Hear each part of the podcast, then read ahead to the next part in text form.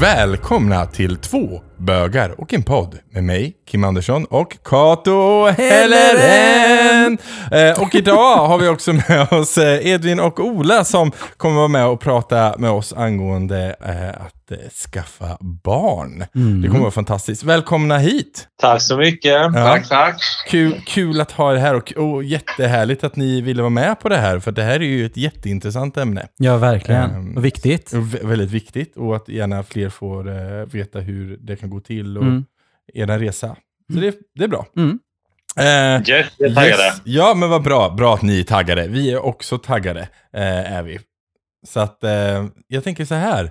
Vi eh, kör igång. Yay!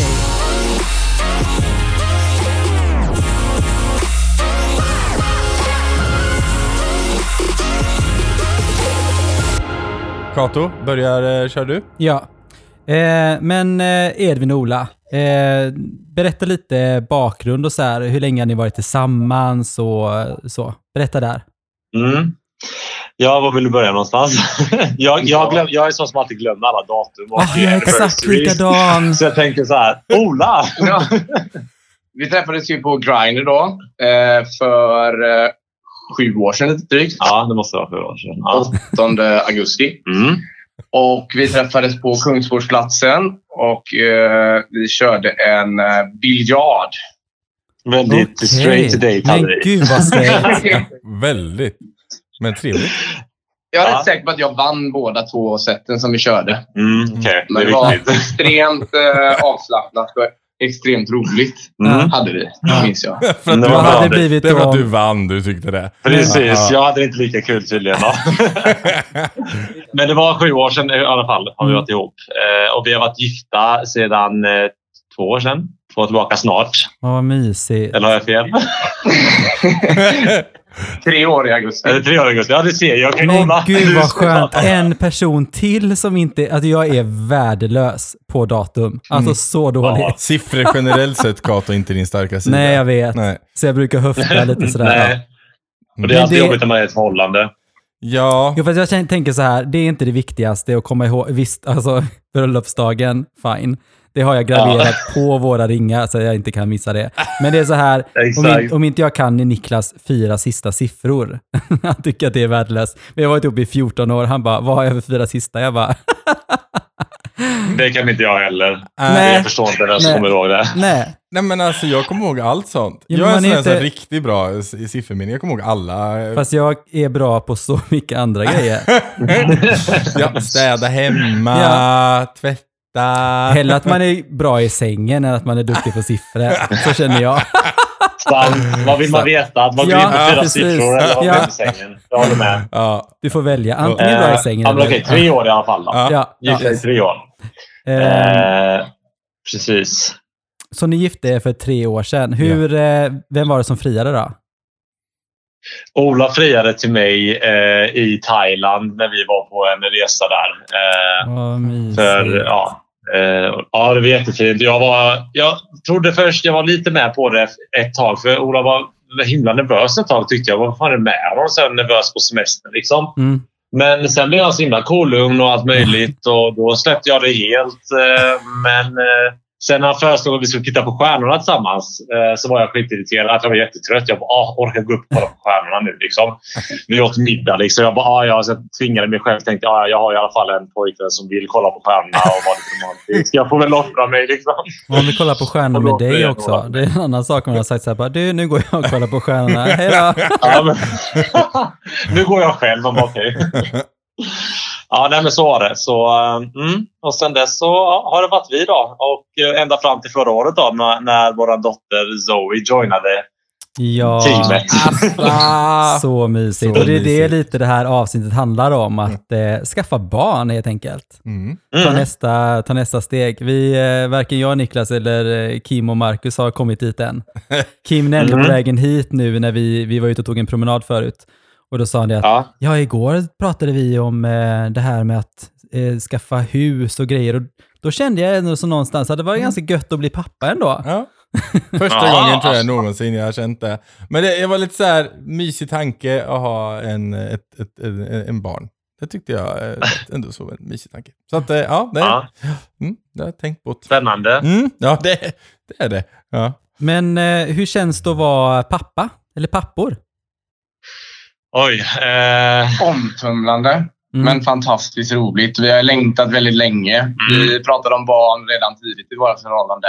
mm, Uh, skulle säga att vi nästan pratade om det på, kanske inte första dejten, men vi är väldigt barnkära båda två. Vi har syskon båda två som har mycket barn, så vi har mycket barn i familjen och grejer. Så Mm. det känns som att det har varit en naturlig del av vårt liv hela tiden. ja, jag menar, Just Att vi verkligen har velat haft barn. Ja, jag minns att ganska tidigt när jag och Ola började dejta så hade jag redan kollat upp en sån här surrogatagentur då. För det är så Mm. man får gå tillväga då. Vilket vi Mm. säkert kommer in på mer då.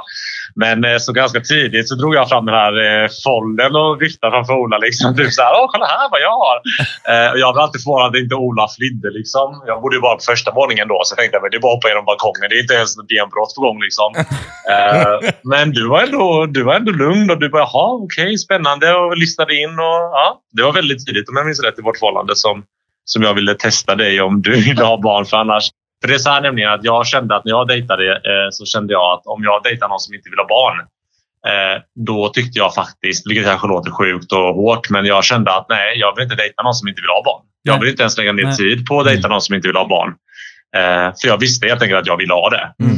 Så det var kanske därför jag viftade med den här broschyren lite tidigt. Så bara så här. Nej, Vad men säger jag- du? Vad säger du? Ja, nej, men jag förstår nog tanken. Alltså man kommer upp i en viss ålder. Jag var likadan när jag träffade Niklas. Och, eh, Mm. Någonstans vad man vill ha ut av ett förhållande. Nu var inte barn den, eh, den stora grejen som, som jag gärna ville ha, utan för mig var det väldigt mycket med relationsfrågor, var man var någonstans relationsmässigt. Eh, och då vill man någonstans flagga med sina värderingar och vad man vill någonstans med förhållandet ganska tidigt, Mm. så att man inte Mm. Ja, men tre månader kanske inte låter så lång tid, men som sagt, det är 90 dagar. Det är Mm. 90 dagar för mycket när man kan träffa andra. Precis. Det är 90 dejter. Ja. 90 potentiella dejter. Herregud vad man... eh, Nej, men så, så är det ju. Ehm, Ja. Men vad, vad bra ändå att ni träffades och att ni liksom eh, kände att ni ville ha barn båda två. Mm, jo, men, ja, det gjorde vi ganska snabbt. Eh, vi har ju nio syskonbarn. Nu har vi en sån där, fler snart och vi har alltid hängt med dem jättemycket. Ja, jag vet, det är helt sjukt. Och då, vi har varit sådana som har liksom, ja, men vi kan ta barnen en hel helg och, du vet, och våra syskon typ så här, okej, ni är ju unga och singla och vill inte gå ut och festa? Vi bara, men det kan vi göra en annan gång liksom. Så vi var nog ganska inställda ganska tidigt på att eh, vi vill ha barn någon gång liksom. Ja, Sen är det en annan sak hur man gör det och det är en lång resa. ja nej, precis. Men för ni har inte adopterat, utan ni har eh, använt er av eh, surrogatarrangemang. Vad är Mm. skillnaden? Jag har aldrig hört talas om det innan faktiskt. Surrogat har jag hört talas om, men inte just det här ordet surrogatarrangemang. Så vad är skillnaden? Ja. Ehm, ja, alltså den stora skillnaden är ju helt enkelt att i- om man adopterar då så är ju barnet oftast då redan fött för det första och man själv har ingen genetisk koppling till barnet. Nej. Och eh, den personen som har fött barnet har ju också genetisk koppling till det då, om det nu är en kvinna i, ja vi säger Vietnam då. Mm. Eh, och så. Medan så här surrogatarrangemang som är ju med från början, alltså hela vägen från att hitta ett ägg som ska befruktas till att använda någon av våra då spermier som ska befrukta ägget och sen Mm. hitta en kvinna som ska bära ägget. Alltså man är ju med i en- på ett helt annat sätt från början så att säga. Så det är väl det jag tycker är den stora skillnaden i, i processen. Att eh, man är ju liksom med från ruta ja, noll Mm. eh, och Just börjar bygga det här barnet om man kan säga så. Medan adoption känns som att man kommer in mycket senare och det. erbjuder, erbjuder ett barn. Liksom. Mm. Ja. Ja. Men hur gör man då med spermier och sånt? Gör man typ att man lägger ihop dem och gör en cocktail och så inseminerar, eller hur gör man? Det fick vi faktiskt inte göra. Eh, vi, vi åkte, I det här fallet nu då, så åkte vi till Los Angeles Mm. och gjorde själva... Så runkade i ett rum gjorde vi. Mm. Om. I en burk. Eh, men vi fick faktiskt inte gå in i eh, samma rum. Vi fick Nej. gå in i varsitt rum. Och det går inte att blanda ihop det så att säga. Nej, det var ju synd. Nej, det gör inte det. Och det är ganska roligt för det finns på en serie som jag på Modern Family, en serie på Netflix. Mm. Då skämtar de lite om det. Typ, de kallar det The Swirl, typ, för de pratar också om surrogat då. Ja. Så jag tänkte så här, bara, fan, det var efter vi hade var färdiga. Jag tänkte, fan, alltså, de har gjort en swirl, då går det kanske. Liksom. Ja, det tänkte inte vi på. Men det visade sig att nej, det, det, det där med swirl, att swirla ihop, det, är, det, det funkar inte. Nej, det, är bara liksom påhittat. Ja. De bara, fy fan vad Så man jobbiga de är måste, på man Modern måste upp Family. i en liksom. Eller man måste, en, det måste väljas en liksom. Ja, precis. Så vi gjorde ju så att vi donerade ju sperma båda två och sen befruktade vi 50% av äggen var om man säger så. Ja. Ja, ja. Och sen så sa, vi i alla fall, alla gör så väldigt olika tydligen, men vi var så här, de har vilket ska ni ha, det är från vem, vilket kön och vi bara liksom ta det bästa ägget, det bästa befruktade ägget liksom, Ja. och så go with it. Liksom. Eh, vi, vi brydde oss aldrig om vem det var eller så. Det Nej. kändes som att Det var vi vill ha fint. barn. Ja, Ja. Så, precis. eh, Alltså kunde man välja kön också? De har verkligen stenkoll liksom. Ja, eftersom man befruktar äggen så, så ser de allting. De ser hur långt i processen det har kommit, om det är kille, tjej och allting. Liksom. Så de frågade ju oss, vilket är också speciellt. Och det finns säkert många där ute som känner bara shit vad, vad sjukt att ens få välja. Men de frågade oss, eh, ja, eh, kille eller tjej eller vad, vad tycker ni? Vad vill ni ha? Vill ni ha Olas ägg eller Edvins ägg? Alltså, så det var verkligen typ massa val som vi bara, men det spelar roll. Varför Liksom, valde typ, ni ta en det bästa tjej då? Det gjorde vi inte. ni, ni sa att ni nej, valde nej, inte nej, alls. nej, just det. Ni sa bara ta det bästa ägget som var, så blev det, ja, ja, ja, så blev det vad det Ja, blev. nej, Ja, men du har faktiskt det är ändå en rimlig fråga. Anledningen faktiskt är att vi gjorde ju flera försök. Eh, nu har vi inte kommit in riktigt på hur allt går till, men Nej. eh, man gör ju flera transfers, alltså lägger in ägget då i surrogat. Eh, och vi gjorde ju flera försök som misslyckades. Okej. Eh, så vi började väl med det bästa pojkägget tror jag. Och sen Mm, var det ett okej. till pojkägg och sen började vi med tjejäggen för det var det enda som var kvar som var bäst där på tur. Ja. Okej. Så att Zoe blev, vår dotter Zoe då blev Zoe var ju egentligen en resultat av tre, fyra misslyckade försök. Ja, okej. Mm, jag tror det var tredje, så det var Mm. tredje gången gillt. Tredje gången gillt, ja. Åh gud vad fascinerande. Ja, men verkligen. Ja. Men eh, då kommer vi in på det. Hur lång tid tar processen? Eh, jag vet att ni började med det här när ni bodde i Kina. Också väldigt intressant. Mm. Berätta lite. Och, Mm, Egentligen började vi långt tidigare än Kina. ja, Processen har tagit ändå ganska lång tid. Dels på grund av att vi eh, misslyckades då. mm, Men sen var det också så att vi, jag fick ett jobberbjudande och har jobbat i Kina. mm, Eh, och då la vi det lite på paus. Dels på grund av att det ekonomiskt kostar ganska mycket så vi kände att vi behövde spara ihop till nästa försök. ja, Men sen eh, blev det väl att vi egentligen var i Kina i över ett år innan vi startade igång igen. Ja, så det har ju gått det. tid av den anledningen också. ja. Men, eh, ja, precis. Men processen har varit lång, alltså flera år. Och som Ola säger beror dels på misslyckade försök och att vi pausade ett tag för att vi behövde både känslomässigt och ekonomiskt lite samla oss tror jag efter alla den tiden. Liksom. ja, för jag, jag vet ju, eh, jag och Niklas har ju pratat om att skaffa barn och sådär. Och en av våran anledning att vi inte har liksom gjort det är ju också på grund av att nu är ju, eh, alltså när man fyller 40 så är det ju, ju svårare även för oss homosexuella, att, Mm. eh, ännu svårare att adoptera eller men så ehm, en sak var att om det inte går, alltså man verkligen vill ha barn och det inte går, att man Mm. möter på liksom eh, motgångar hela tiden, så tär det väldigt mycket på förhållandet. Hur, hur eh, har ni, liksom, hur, hur gjorde ni när ni liksom inte lyckades? Mm. Alltså jag måste säga, och det låter ganska eller så, men det är ju som det är. Alltså, Mm. Det gjorde nog aldrig det för oss. Nej. Alltså det, det kan det nog göra och jag tror absolut att det, det kan göra det mycket också. Men eh, jag vet inte, antingen att vi är sådana som personer individuellt men också som ett par eller bara Mm. ren slump och tur. Men det, jag tycker inte det tärde någon, någonting på vårt förhållande faktiskt. Nej. Eller? Vad säger Nej. du? Nej. Nej, jag tror inte det. Jag tror att vi bara tog oss igenom alla svackor tillsammans och eh, i vissa stunder var det skittråkigt och asjobbigt och man, alltså, tårar och allt möjligt inblandat. Eh, men det var lite som när den, när den ena personen gick ner sig, då gick den andra personen upp istället. Mm. Och när den Ja, andra jättebra. personen gick Mm. ner sig, då ställde sig den andra personen upp. Typ. Ja. Jag vet att du var väldigt ledsen under, efter ett misslyckat försök eh, och då grät jag inte ens. Typ. Eh, inte för att man måste kompensera så mycket för varandra, men det var nästan så som att jag i min kropp Ja. kände så att nej, men jag, jag, jag, jag är inte ledsen nu och jag tänker inte gråta. Och så fick du göra det. Och en annan gång så var det jag som var helt förstörd och då var du så där. Ja, ja, men det löser sig typ.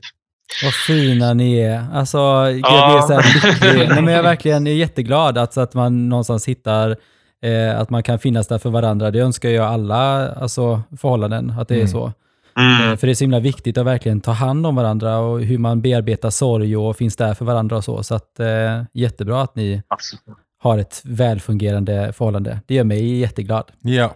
Ja, Men det och det kanske också beror... Ja, förlåt. nej, men det, det, det är ju fint att ni finner styrkan i, i varandra där, liksom, där och då. Jag kan tänka mig som sagt då, som, som Kato sa, att det kan vara väldigt tufft. Liksom. Men Mm. också det här lite jävlar anamma. Alltså det här, ja men nu tar vi en paus, emotionellt och ekonomiskt och vi will back at it senare liksom. Nej, men jag tänker på alltså, hur lång tid tar processen? Alltså tar det ett år, eller två år, eller tre år? Alltså när man väl, Mm. alltså från början till slut om man säger så. Nu har ju ni kört ganska många med lite misslyckanden och sånt på vägen också, men Ja. Men vad skulle du säga? De sa ju till oss lite den här agencyn då i början. Vi valde ju fast match. och Ja. Okej. Det ta det- typ Det är väldigt deep där. Alltså den här världen, surrogatvärlden, och surrogat, alltså den är så ja, speciell. Eh, och du var inne på det nu i pausen här, eller medan vi väntade lite, Mm. eh, kring det här liksom äggdonator. Bara när man väljer det. Alltså det tar också tid, för du ska ju välja utifrån en katalog av liksom människor med bilder, information om vilka de är, deras medicinska historia, vad de gillar att göra, deras utbildningsnivå. oh Så god. du liksom- Ja, du scrollar ju typ en, alltså det låter ju också hemskt, kanske i en IKEA-katalog och bara oh I like that, mm, I don't like that. Typ och, och titta på vem, vem vill du ha som äggdonator. Men och Är det då, om, om man vill ha någon som har, har högre utbildning, är, de, är de dyrare?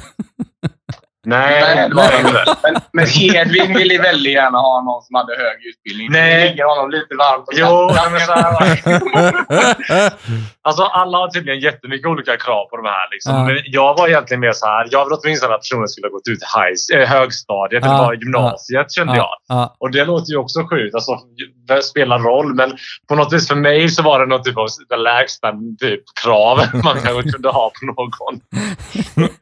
Men jag tänkte Men- så här, tänk om ni hade, hade haft en, eh, vi tänker att ni hade haft en tjejkompis och så här, men jag, jag, kan, jag, jag skulle kunna ge mitt ägg.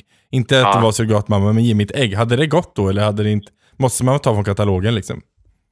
Mm, det hade nog inte gått, tror inte jag. Inte en kompis med Nej, för nu har vi ju gått via USA. Ja. Så på något så känns det som att vi hade ju aldrig kunnat ta en svensk för det blir liksom Nej. svenska regler som ramlar in där och lite Ja. sådär. Mm.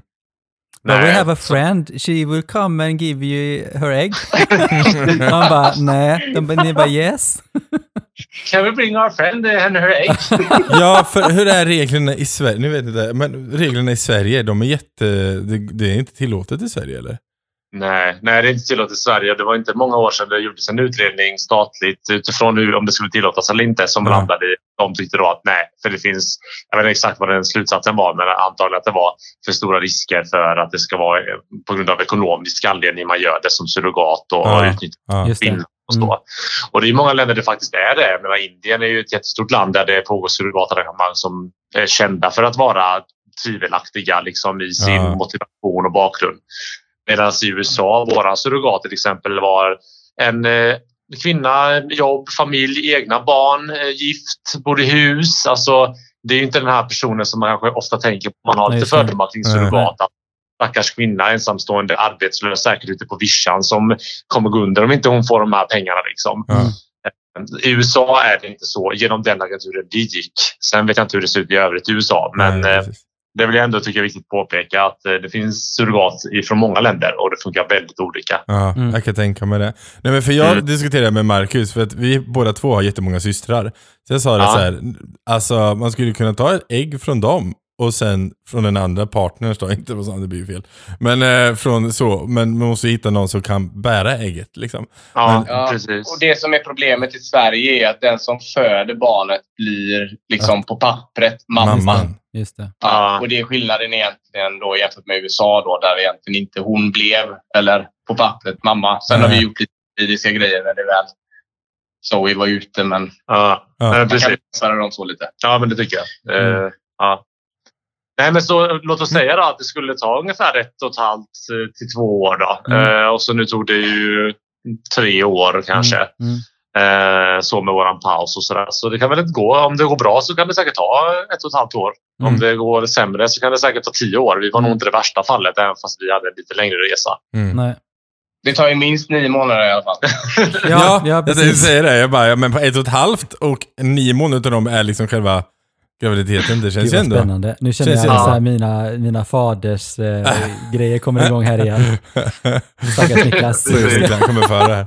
Men eh, då kom vi in på vad var den, den svåraste biten i, i det här? Förutom om man säger att de här misslyckandena, fanns det någonting annat också som, som ni tycker var en svår bit i processen? Mm, ja, det fanns nog egentligen många. Alltså, för min, vi är ju väldigt olika jag och Ola vad vi är bra på. Så till exempel ekonomi är Olas starka sida och kanske juridik och engelska kanske i det här fallet då är min starka sida. Alltså jag fick ju läsa superlånga juridiska avtal eh, på engelska då kring eh, avtal mellan oss och surrogatagencyn, Mm. oss och surrogatpersonen.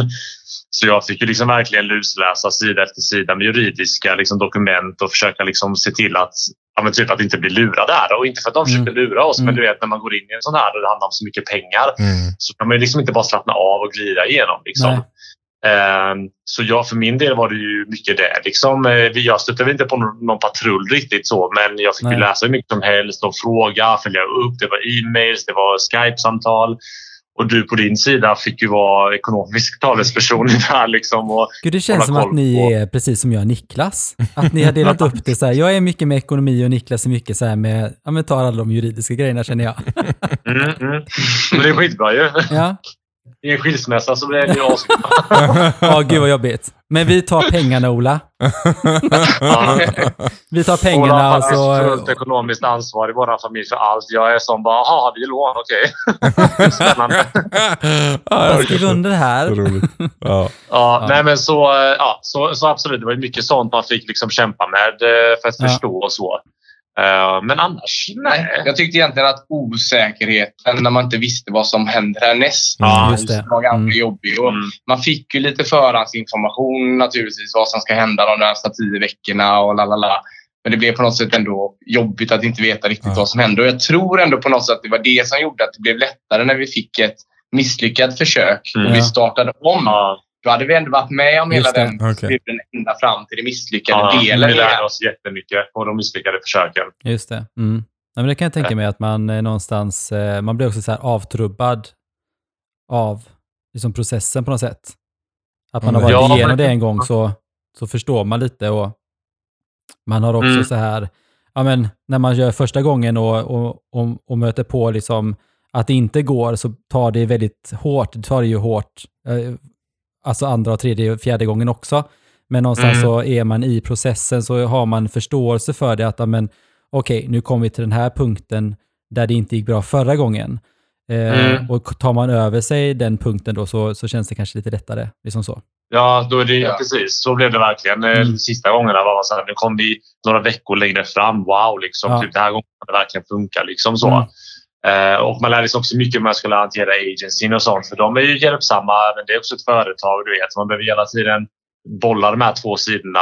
Tänka Mm. att det här är ett företag som tjänar pengar också. Mm. Eh, men de är också såklart hjälpsamma och det var de ju mycket. Mm. Men vi lärde oss mycket om eh, kostnader och pengar, hur man sparar pengar framförallt eh, Ja. under tiden också. Men om, faktiskt. om, vi, om vi tar ni behöver inte säga exakta siffror, men alltså så här, vad, vad kostar det? Okej, vad kostar det? Vad skulle det kosta kanske man ska gå säga först. Mm. Ja, om, om allting går helt felfritt och allting funkar jättebra så skulle jag sen säga att man landar på typ eh, nästan en och en halv miljon. Mm. Oh my god. ja. Alltså det är asmycket pengar. Och det, Ja, alltså, om man ska göra det här så måste man... Det här måste vara en prioritet. Alltså man måste vara 100% säker på att man vill... Inte bara att man vill ha barn. Att man är beredd att prioritera bort annat Ja, ekonomiskt. ja, så det kan såklart. vara var man bor, vad man gör, hur man Mm. reser eller vad som helst. Mm. För, ja, som du säger, om det går felfritt, ett- en och en halv miljon. Eh, för oss gick det inte felfritt. Så vad Nej. hamnade vi på till slut? Då? Ja, över där i alla fall. Ja. Ja.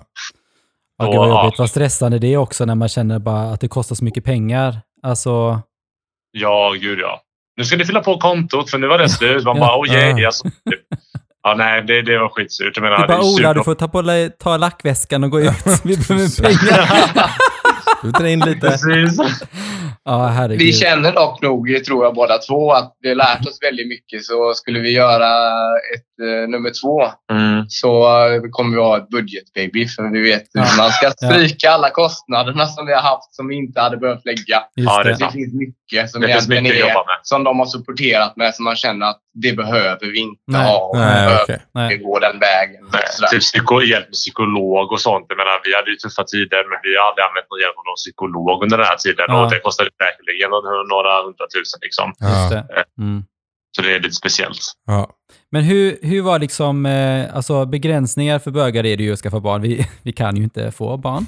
Oavsett hur mycket vi Men försöker. oh what we try! Jag brukar säga det, att. Marcus och jag har försökt hur länge som helst nu, men ingen av oss blir gravid. Så himla Vad fan är det som händer? Jag fattar ingenting. Men alltså hur, hur, hur kände ni med myndigheterna i USA när ni som skulle skaffa barn? Möttes ni liksom av fördomar eller hur, hur, var de, hur bemötte de dig, er liksom? Ehm, nej, jag vet inte. De, de, jag tycker inte att vi möttes av några speciella fördomar i USA. Uh, alltså sjukhuspersonalen och så vidare var helt fantastiska verkligen. Mm. Eh, under liksom både förlossning och när vi kom till sjukhuset och efteråt hur, hur de hanterade oss som föräldrar. Liksom så, inte Ah, som fint. eh, typ Ja. några ja, andra typer av människor. Nej, men och jag tror att domstolen och allt var ju väldigt professionellt. Alltså, nej, så jag skulle säga myndigheterna i USA var vi nog inte med om någonting faktiskt negativt. Eller?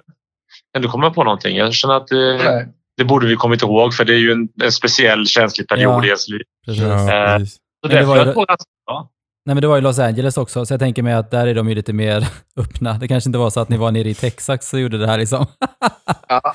ja, fast för att göra det extra krångligt då så var det ju i Los Angeles vi var och där hon som lämnade ägget var. Mm. Men eh, hon som födde barnet då är, är från Minneapolis. Så det är där Zoe är född. Minnesota. Ja, i USA. Så okej, i riktig berg och dalbana. Men, men jag tänkte på så här, när ni stod här, eh, nu blev det USA liksom. Fanns det Mm. något, eh, ni kollade säkert på flera ställen, var det något som var så här, nej men ni kan inte göra det här för ni är, ni är bögar liksom. Ni kan inte, ni kan inte ha surrogatmoderskap i det här landet. Eller var det, var det någon förhinder någon annanstans? Eh, nej, men jag, vi kollade aldrig någon annanstans faktiskt. Alltså, jag hade kollat upp lite adoption tidigare och insett att det skulle bli omöjligt om, om inte annat krångligt. Liksom. Mm. Mm. Eh, och sen när jag kollade på surrogat då var det för samkönade par då, då var det tydligt att USA var the way to go. Ja, okej. Okej. Eh, Så här i efterhand så vet jag en gammal kollega som har fått tvillingar genom surrogat genom, från Ungern. Ja. Och hon eh, berättade för mig då, för vi pratade om det här, att, eh, att det, det tillåter de inte i Ungern. Till exempel. Ungern Nej. tillåter inte samkönade par Ja, att okej. eh, göra det. Så, så det, det är säkert förbjudet många platser. USA är nog the best way to go skulle jag tro. Mm. Ja. Framförallt juridiskt är det Ja, bäst. precis. Och svenska myndigheter accepterar och tycker att USA har bra koll på det Ja. Ja, men det är juridiska. bra. Mm. Och sen kan man, Mm. ja men precis, också hela den biten där ni pratade om förut, den här socioekonomiska biten. Liksom så här, vart, var ligger personen i samhället?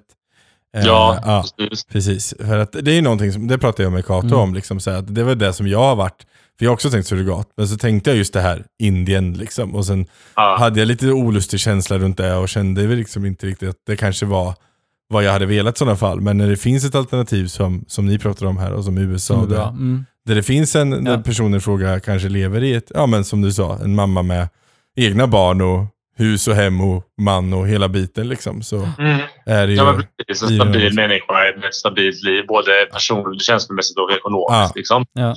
Eh, För det jag letat med dig eh, där, jag kände också jag vill inte bidra till någon omänsklig eh, liksom, värld eller någon Nej. hemsk hantering eller något tvång i något annat land. Inte, inte för, att, för att jag vill ha barn bara. Det är ju hur egoistiskt som helst Ja. på så många sätt.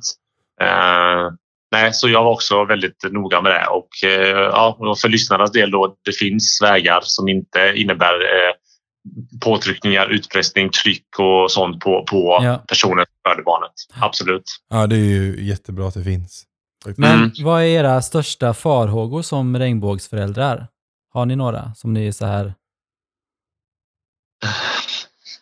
Jag tror, nej. Jag tror inte vi har så många Nej. farhågor, eller? Alltså vi är så jävla slappa tror jag. Alltså, vi kommer säkert få en sån...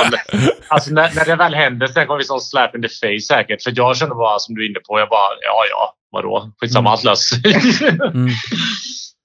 Eh, Ja, har du någon? Nej, jag har inte så mycket. Min mamma nämnde någon gång så här, bara typ väldigt tidigt om så här, någon tanke om att hur barnet kommer ha det med två eh, föräldrar, alltså från samhällets sida. Liksom. Mm. Ja.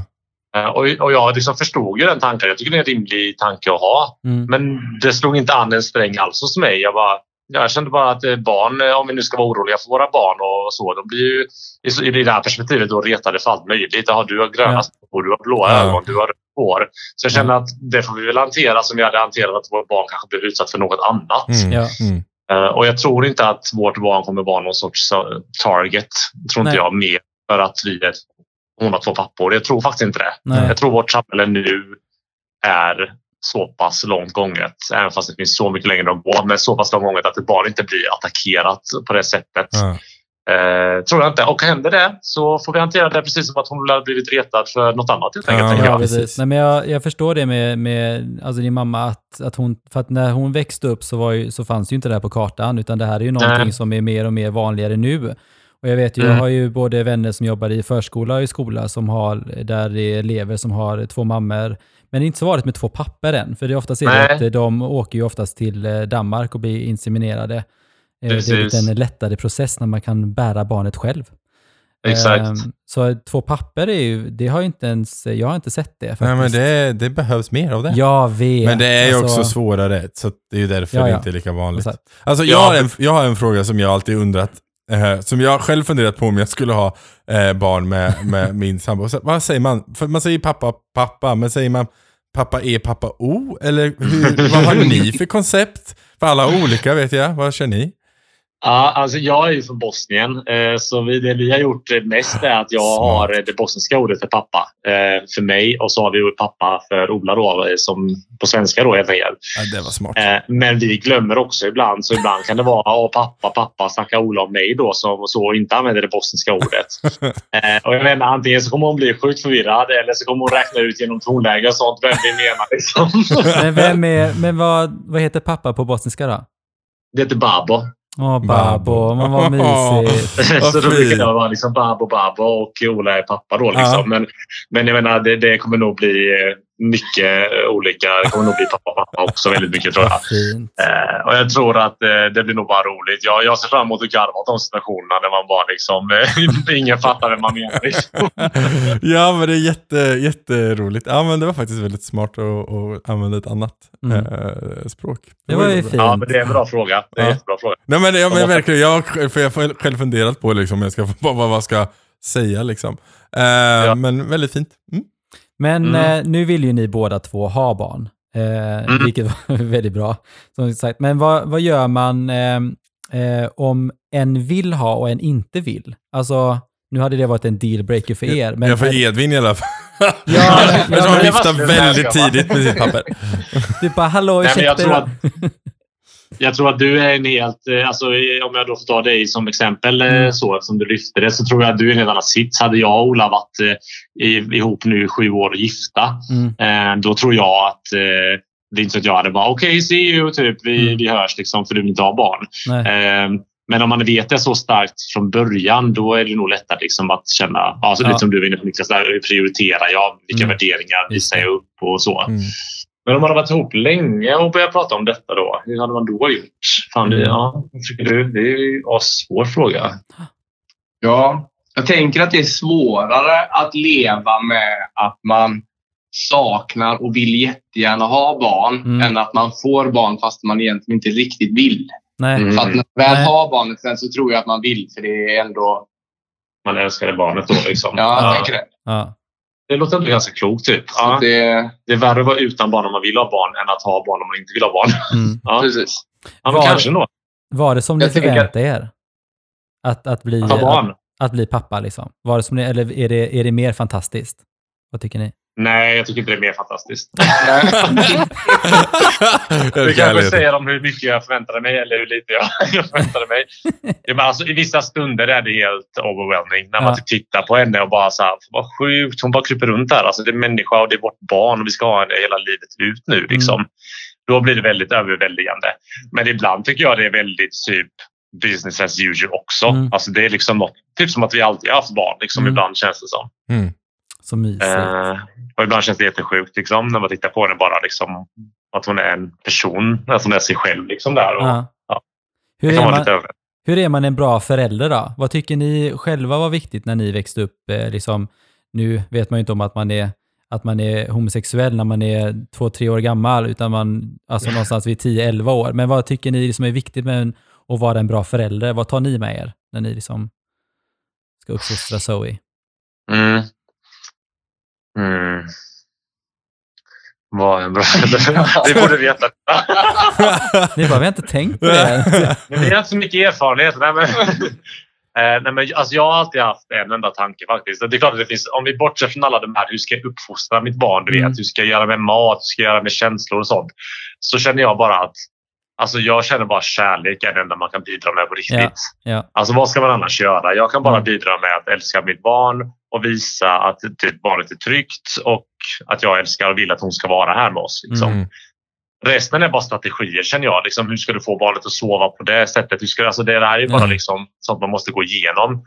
Men för mig att vara bra förälder, det är bara att, att vara där och Mm. att älska sitt barn helt enkelt. Och visa barnet att så här, du är älskad. Och för vår del också för Zoe då som är ett barn från surrogat att visa och vara tydlig för henne att du är på något vis en person, en, en, en skapelse av att så många ville att du skulle vara här känner jag Mm. när det handlar om Mm. surrogatbarn i alla fall. Eller adoptivbarn också men det är svårare då kanske. Att Zoe ska veta att jag och din pappa ville att du skulle vara här Mm. och Jenna ville hjälpa oss med att vi skulle vara där. Eh, och att den personen som, eh, som gav oss ett ägg ville att du skulle vara... Alltså vi alla hjälptes åt för att Mm. du skulle kunna komma till, till liv eller komma Mm. till, liksom, till oss. Det är ju fint. Det känner jag är viktigt. Ja. Ja, att hon vet det. Liksom, att det var ingen, eh, ingen liksom, så, något annat utan det var att alla de här människorna inblandade ville Mm. att du skulle vara med oss. Och vi, vi, så, så blev det. Det var så du hamnade här. Liksom.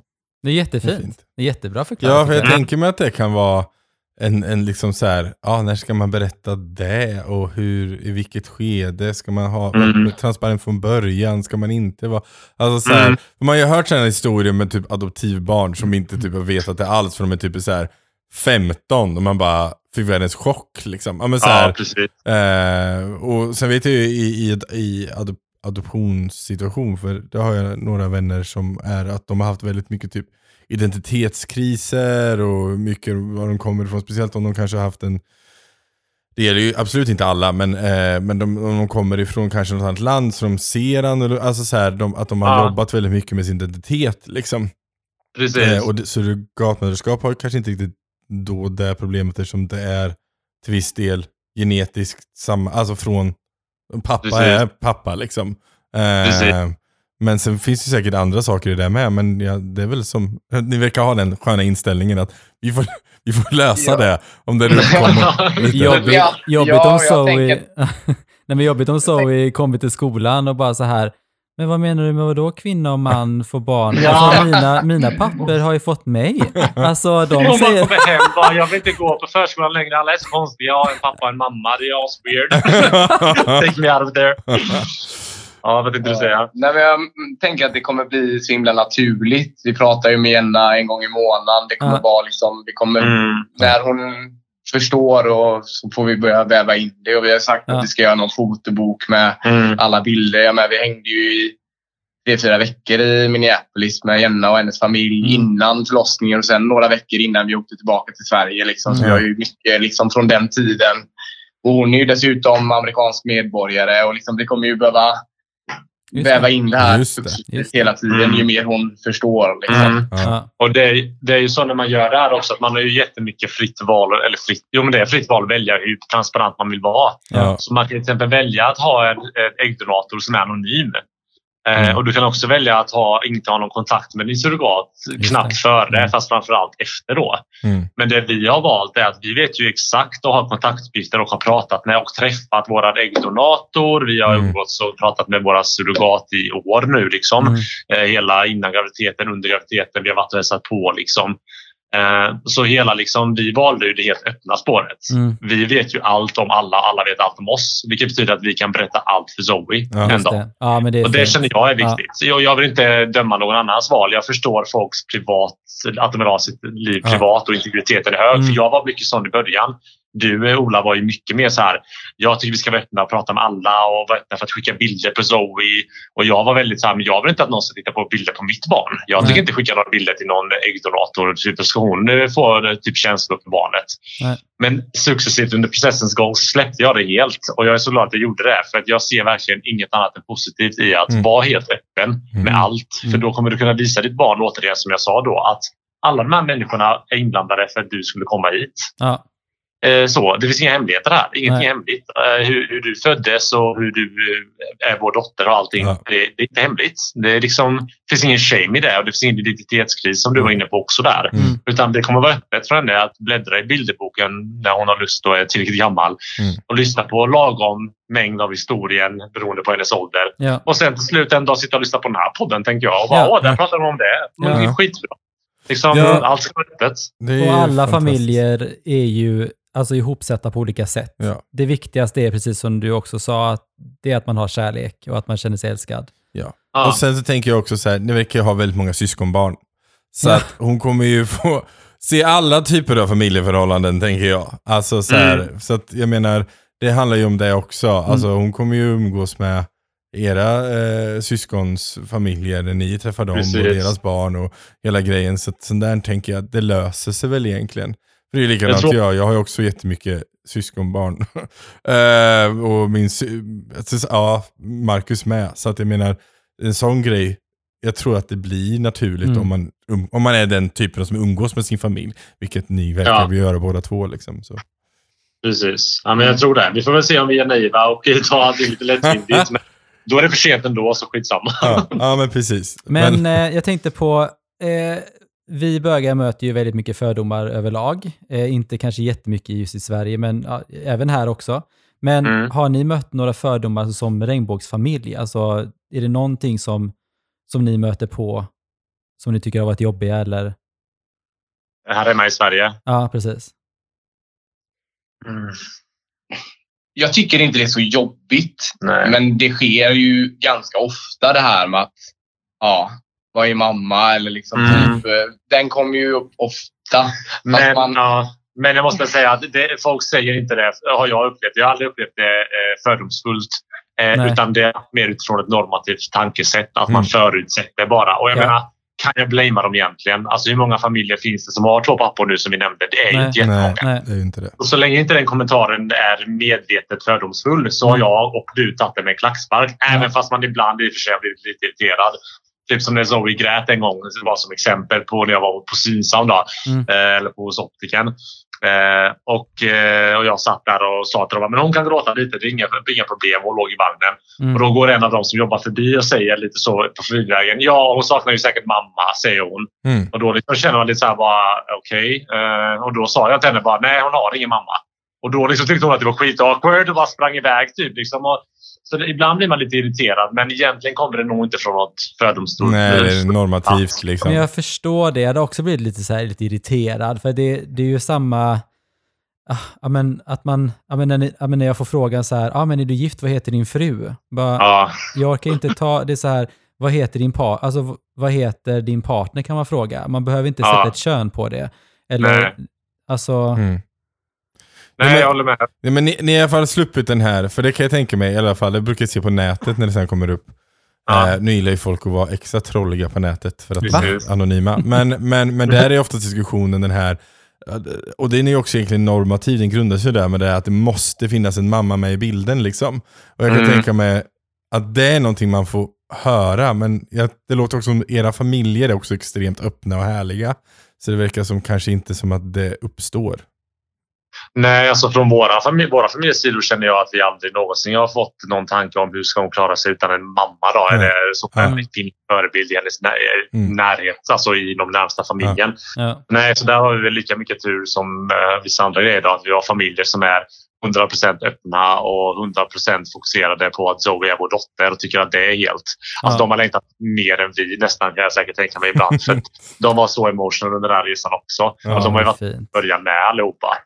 Eh, Så nej, som du säger, jag tror det är samhällets syn på, liksom, eh, på, det här med att mamma eller moder, att, det- att det fortfarande är liksom barnets viktigaste del. Men jag tycker att min syster sa det någon gång att det låser fortfarande bara kvinnor i en roll att hon ska vara mamma. Ja. Liksom. Mm. Att ett barn klarar sig inte utan ah, hon behöver mamma när hon är ledsen. Eller mamma måste mata. Eller mamma måste, varför måste en kvinna mata barnet? Mm. Varför ska inte man göra det? Varför Mm. måste mamma lämna av förskolan? Det kan väl pappa göra? Mm. Så min syster blev jätteirriterad på det här. Mycket mer än vad vi blev egentligen. Mm. Så henne kan man höra av sig till om man vill höra någon detaljera längre Jag tycker om, jag tycker om om din varför syster. ska vi propsa på de här rollerna på kvinnan. Hon kan väl liksom bara ha två pappor och vara nöjd. Liksom.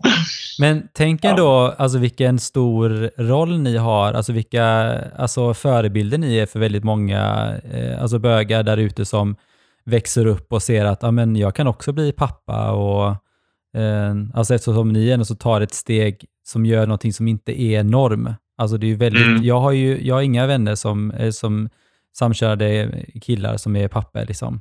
Så Mm. att, eh, det tycker jag är jättehäftigt. Vi, vi gör så här, vi gör en eh, om, om ett par år. Vi säger sex år, så det, kör vi det här igen. Och sen så, då har hon börjat första klass och lite sådana saker. Ska vi se hur det har gått resan liksom. Uppföljning. Det uppföljning var så liksom. enkelt som ni trodde och sa till oss.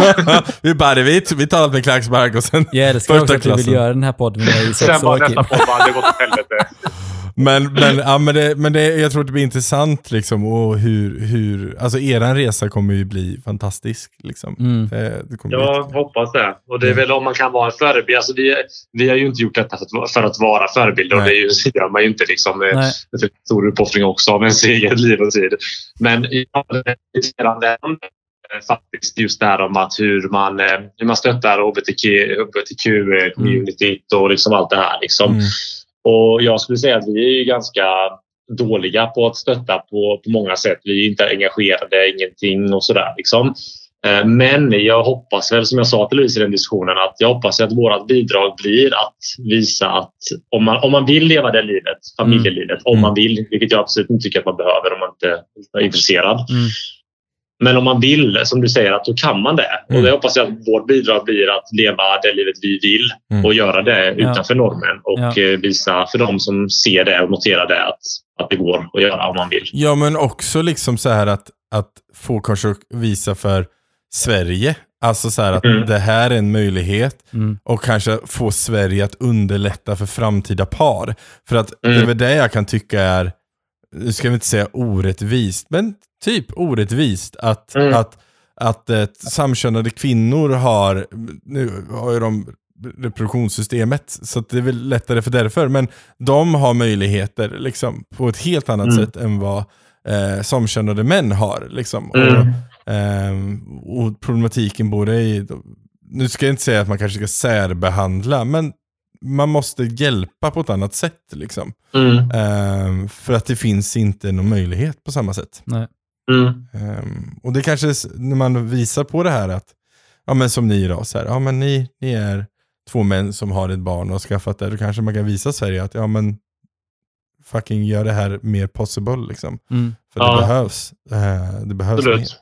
Absolut. Och helt ärligt. Ja. Ja, stundtals så känns det ju lite som att man har nästan utbildat olika myndigheter runt om. Ja. Vi har haft årstaliga samtal med eh, Försäkringskassan hur man kan registrera en, eh, en eh, tjej utan, eller eh, vår Ja. dotter utan en mamma. Just det det. går inte på, Nej. eh, på hemsidan. För det står bara att vi måste ha ett kvinnligt personnummer. Men hon, Mm. hon Ja, har ingen, ingen mamma. Nej, Liksom. Nej. Alltså, det Bara sådana små ja, grejer. Just det.